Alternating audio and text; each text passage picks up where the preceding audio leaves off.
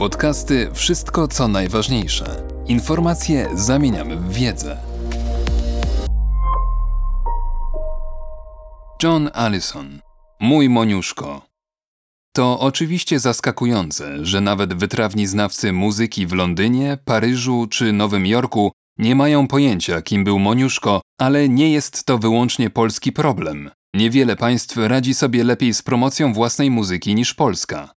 W roku 1872, roku śmierci Stanisława Moniuszki, Napoleon Orda rozpoczął swoją dziesięcioletnią odyseję po ziemiach podzielonej wówczas między zaborców Rzeczypospolitej Obojga Narodów, aby udokumentować jej zabytki i krajobrazy. Niezwykły talent Ordy wybiegał jednak poza sztuki plastyczne. Podczas wieloletniej emigracji w Paryżu artysta ten utrzymywał kontakty z Chopinem i Lisztem, komponował muzykę, a nawet kierował teatrem Comédie Italienne. Nic zatem dziwnego, że kiedy wrażliwy muzycznie Orda znalazł się w pobliżu Mińska, musiał odwiedzić miejsce narodzin największego XIX-wiecznego polskiego kompozytora muzyki operowej. Owocem tej wizyty jest niezwykle sugestywny rysunek domu rodzinnego Moniuszki w Ubielu pod Mińskiem. Praca znajduje się w trzecim z serii ośmiu albumów wydanych pod wspólnym tytułem Album Widoków Historycznych Polski. Kontrastując z przeważającymi w albumach rysunkami ruin zamków, wielkich pałaców i okazałych kościołów, ziemiański dworek od razu budzi skojarzenia z prostymi radościami zapisanymi w melodiach z wielotomowego śpiewnika domowego Moniuszki. Oprócz innego szkicu wykonanego przez Ordę w Ubielu, rysunek ten jest jedynym zachowanym obrazem domu rodzinnego Moniuszki, który uległ całkowitemu zniszczeniu podczas II wojny światowej. Moniuszko urodził się w roku 1819 na terenach dzisiejszej Białorusi, a pierwsze kroki swojej muzycznej kariery stawiał na obecnej Litwie, więc obydwa te państwa roszczą sobie do niego pewne prawa. Były dom Moniuszki w Warszawie zaadaptowany został na potrzeby kawiarni, podobnie sieć kawiarni przejęła budynek w Mińsku, który, jak dowiadujemy się z tablicy pamiątkowej, był domem rodzinnym Moniuszków na początku lat 30. XIX wieku. W Mińskim Muzeum Teatru znajdziemy z kolei bogaty dział poświęcony inscenizacjom oper Moniuszki, a w samym mieście odsłonięto ostatnio pomnik przedstawiający Moniuszkę siedzącego na ławce z białoruskim pisarzem i działaczem społecznym Wincentym Duninem Marcinkiewiczem, z którym kompozytor współtworzył Sielankę, operę uznawaną powszechnie za pierwsze białoruskie dzieło tego gatunku. Z wyjątkiem tej zaginionej opery, Moniuszko komponował jednak wyłącznie do tekstów w języku polskim lub po łacinie, jak w przypadku niektórych utworów liturgicznych. Tak jak inni wielcy Polacy urodzeni poza obecnymi granicami kraju, od Adama Mickiewicza przez Czesława Miłosza i Ignacego Jana Paderewskiego po Karola Szymanowskiego i samego Ordę, Moniuszko wykracza poza współczesne granice polityczne, stając się własnością wszystkich, choć szczególnie Polaków. Niewątpliwie zasługuje na miano ojca polskiej opery, nawet jeżeli etykietki tej nie należy traktować zbyt dosłownie, podobnie jak tych, którymi w analogicznych okolicznościach określono Smetanę, Erkela czy Glinkę w ich własnych krajach. Mimo, że żaden z tych kompozytorów tak naprawdę nie zapoczątkował narodowej tradycji operowej, jak nikt inny przyczynili się oni do jej ugruntowania. Z wyjątkiem sprzedanej narzeczonej, która wcześniej przypieczętowała międzynarodową popularność Smetany, opery wymienionych twórców pozostały w swoich ojczystych stronach niczym dobrze strzeżone tajemnice. Dla każdego, kto uległ urokowi muzyki Moniuszki, świadomość słabej rozpoznawalności kompozytora poza Europą Środkowo-Wschodnią jest niezwykle bolesna, choć problem ten staje się bardziej zrozumiały w szerszym kontekście. Niektórzy powiedzą, że narodowe, a może nawet nacjonalistyczne wątki w niektórych dziełach Moniuszki mogą zniechęcać szersze rzesze odbiorców, do czego dochodzą trudności językowe. W dzisiejszych czasach przeciwności te nie mogą mieć jednak aż tak dużego znaczenia, biorąc pod uwagę to, jak wiele rosyjskich i czeskich oper zadomowiło się w repertuarach scen światowych. Międzynarodowy kanon operowy jest tak wąski, że trudno się dziwić małej popularności polskich oper na świecie. Wyjątkiem i to współczesnym jest tu chyba tylko król Roger Szymanowskiego. Każdy kraj ma oczywiście swój własny kanon, Ale jeżeli można pokusić się o uogólnienie, pierwsza piątka kanonu międzynarodowego La Traviata, Czarodziejski Flet, Carmen, Wesele Figara i Cyganeria nie zmienia się od dziesięcioleci. W najgorszym wypadku większość kanonów zabija muzykę, w najlepszym utrwala muzealne podejście do międzynarodowej sceny operowej, szkodząc przede wszystkim dziełom współczesnym, starszym i tym, które powstały na obrzeżach austriacko-niemieckiej, włoskiej i francuskiej tradycji. Czy taki stan rzeczy zmieni się w następstwie trwającej pandemii, która zmusiła opery do przemyślenia swojego repertuaru i sposobu jego prezentacji? Czy w przyszłych kanonach znajdzie się miejsce dla bardziej dociekliwych umysłów? To oczywiście zaskakujące, że nawet wytrawni znawcy muzyki w Londynie, Paryżu czy Nowym Jorku nie mają pojęcia, kim był Moniuszko, ale nie jest to wyłącznie polski problem. Niewiele państw radzi sobie lepiej z promocją własnej muzyki niż Polska. Można by nawet zaryzykować twierdzenie, że kilka prestiżowych nagrań wykonanych przez międzynarodowe gwiazdy i wydanych przez duże wytwórnie wpłynęłoby na odbiór polskiej muzyki na świecie.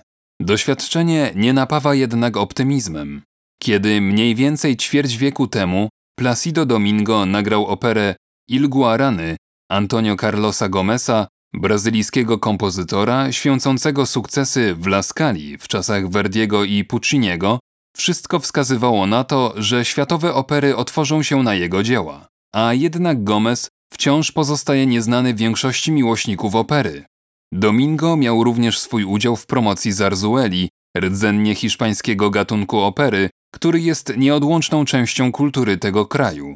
Okazało się jednak, że pomimo wielkiej popularności Hiszpanii wśród turystów i powszechności języka hiszpańskiego, z Zarzueli nie dane było podróżować. Bardzo niewiele międzynarodowych oper poza Półwyspem Iberyjskim okazało zainteresowanie gatunkiem, w którym powstało mnóstwo niewątpliwie wspaniałych utworów. Z dużą dozą prawdopodobieństwa można zatem stwierdzić, że twórczość Moniuszki pozostanie dobrze strzeżoną, słodką tajemnicą. Kto postanowi ją odkryć, zanurzając się w muzyce polskiego kompozytora, nie odejdzie zawiedziony. Czy to jako Polacy dorastający z jego muzyką, czy też obcokrajowcy, tacy jak ja, których zauroczył, większość ludzi swoją przygodę z Moniuszką zaczyna od jego dwóch najbardziej znanych i z pewnością najlepszych oper, czyli Halki i Strasznego Dworu. Dzięki wspaniałym melodiom, zapierającym dech w piersiach tańcom i pewnej ludowej atrakcyjności, są to najbardziej przystępne opery Moniuszki. Niemniej jednak Halka, jego niezwykłe, przełomowe dzieło, to jednocześnie swoisty paradoks. Narodowy symbol, który nie jest w żadnym sensie nacjonalistyczny. Akcja toczy się wprawdzie w górzystej scenerii, która musi poruszać głębokie struny polskiej duszy, ale sama fabuła jest bardziej uniwersalna i odzwierciedla powszechne w innych krajach XIX-wieczne zainteresowanie archetypem Gizel. Mimo wszystko etykietka dzieła nacjonalistycznego nadal towarzyszy Halce, będąc jednym z powodów, dla którego opera ta jest właściwie nieznana poza Polską. W Teater an der Wien wystawiono ją ostatnio po raz pierwszy od 55 lat. Z kolei Straszny Dwór, polska opera narodowa i prawdopodobnie opus magnum Moniuszki nie wypłynął na szersze wody, być może właśnie ze względu na swoją polskość. To nostalgiczne wspomnienie starej Polski, która wydawała się stracona w czasie premiery dzieła w roku 1865 po nieudanym i krwawo stłumionym 18-miesięcznym powstaniu styczniowym, kryje w sobie pokłady znaczeń, które dla obcokrajowca nigdy nie będą oczywiste. Inne opery Moniuszki, oceniane zazwyczaj nieco niżej, są na swój sposób wymowne i mogą budzić zainteresowanie szczególnie dzięki pieczołowicie przygotowanym wykonaniom i nagraniom na instrumentach historycznych podczas festiwalu Chopin i jego Europa. Przed odkrywczym koncertowym wykonaniem hrabiny w sierpniu 2020 roku na tymże festiwalu niełatwo było docenić wyjątkowe walory tej opery. Dla mnie osobiście koncert ten pozostanie zresztą jednym z niewielu pozytywnych wspomnień muzycznych z tego pełnego zawirowań roku. Jak przystało na dzieło czerpiące więcej z wpływów francuskich niż z belcanto, hrabina nadrabia swoje braki długimi, pozostającymi w pamięci melodiami z mnóstwem fascynujących detali. Jej baletowe divertissement przypominają, jak ważnym elementem wyrazu był dla Moniuszki taniec. Hrabinę i Halkę łączy osoba librecisty Włodzimierza Wolskiego i krytyka stosunków społecznych, choć obydwie opery są bardzo różne. Pierwsza z nich to komedia, druga tragedia. Paria, której wykonanie przewidziano w programie festiwalu Chopin i jego Europa 2021, jest szczególnie interesująca, ale też od dawna zaniedbana, mimo że jest to ostatnia opera Moniuszki. Raczej trudno wpisać ją we współczesny obraz Moniuszki jako ojca polskiej opery, czy wcześniejsze nacjonalistyczne oczekiwania społeczeństwa. Jako jedyne z dojrzałych dzieł kompozytora, opera ta przedstawia akcję rozgrywającą się poza Polską, przez co może w niej brakować patriotycznego przesłania, którego szukali odbiorcy w czasie rozbiorów. Dzieło niesie jednak ze sobą współczesne i uniwersalne treści ukryte pod pozornie błahą fabułą, przypominającą połączenie poławiaczy pereł i Aidy, a opartą na motywach tragedii Kazimira de la Vigne, tych samych, które znalazły wcześniej wyraz w operze Il Paria Donizettiego. Jednoaktowe opery Moniuszki są często pomijane, ponieważ nie zawsze udaje się je wpasować w repertuar. Znajdziemy wśród nich Verbum Nobile i Flisa. Co ciekawe, Flis to zapewne jedyna na świecie opera, w której jedną z postaci jest fryzjer z Warszawy. Jej sielankowa akcja osadzona jest nad brzegiem Wisły. Pozwala to na pewno zrozumieć, jak bardzo rzeka ta jest wpisana w narodową świadomość Polaków, ale nieznajomość bezpośrednich odniesień geograficznych bynajmniej nie przeszkadza w odbiorze muzyki. A we Flisie płynie muzyka tak piękna, że grzechem byłoby jej nie usłyszeć. Poza operami Moniuszko skomponował również około 300 pieśni. Niektóre z nich są skromne, te trafiły do śpiewnika domowego, inne to wielkie utwory zasługujące na miejsce w światowym repertuarze Lied. Kto raz usłyszał pieśni takie jak Prząśniczka, Znasz li ten kraj, znana też jako Kennst du das Land Goethego czy Kozak, nigdy ich nie zapomni. Mam zaszczyt zasiadać w jury Międzynarodowego Konkursu Wokalnego imienia Stanisława Moniuszki i zawsze cieszę się na możliwość wysłuchania tak wielu moniuszkowych pieśni.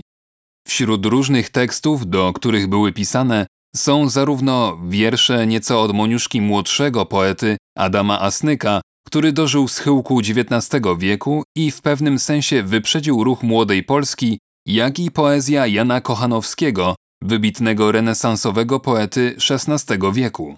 Istotne miejsce w dorobku Moniuszki zajmują utwory napisane do trenów Kochanowskiego, gdy zmarł pierworodny syn kompozytora Kazimierz.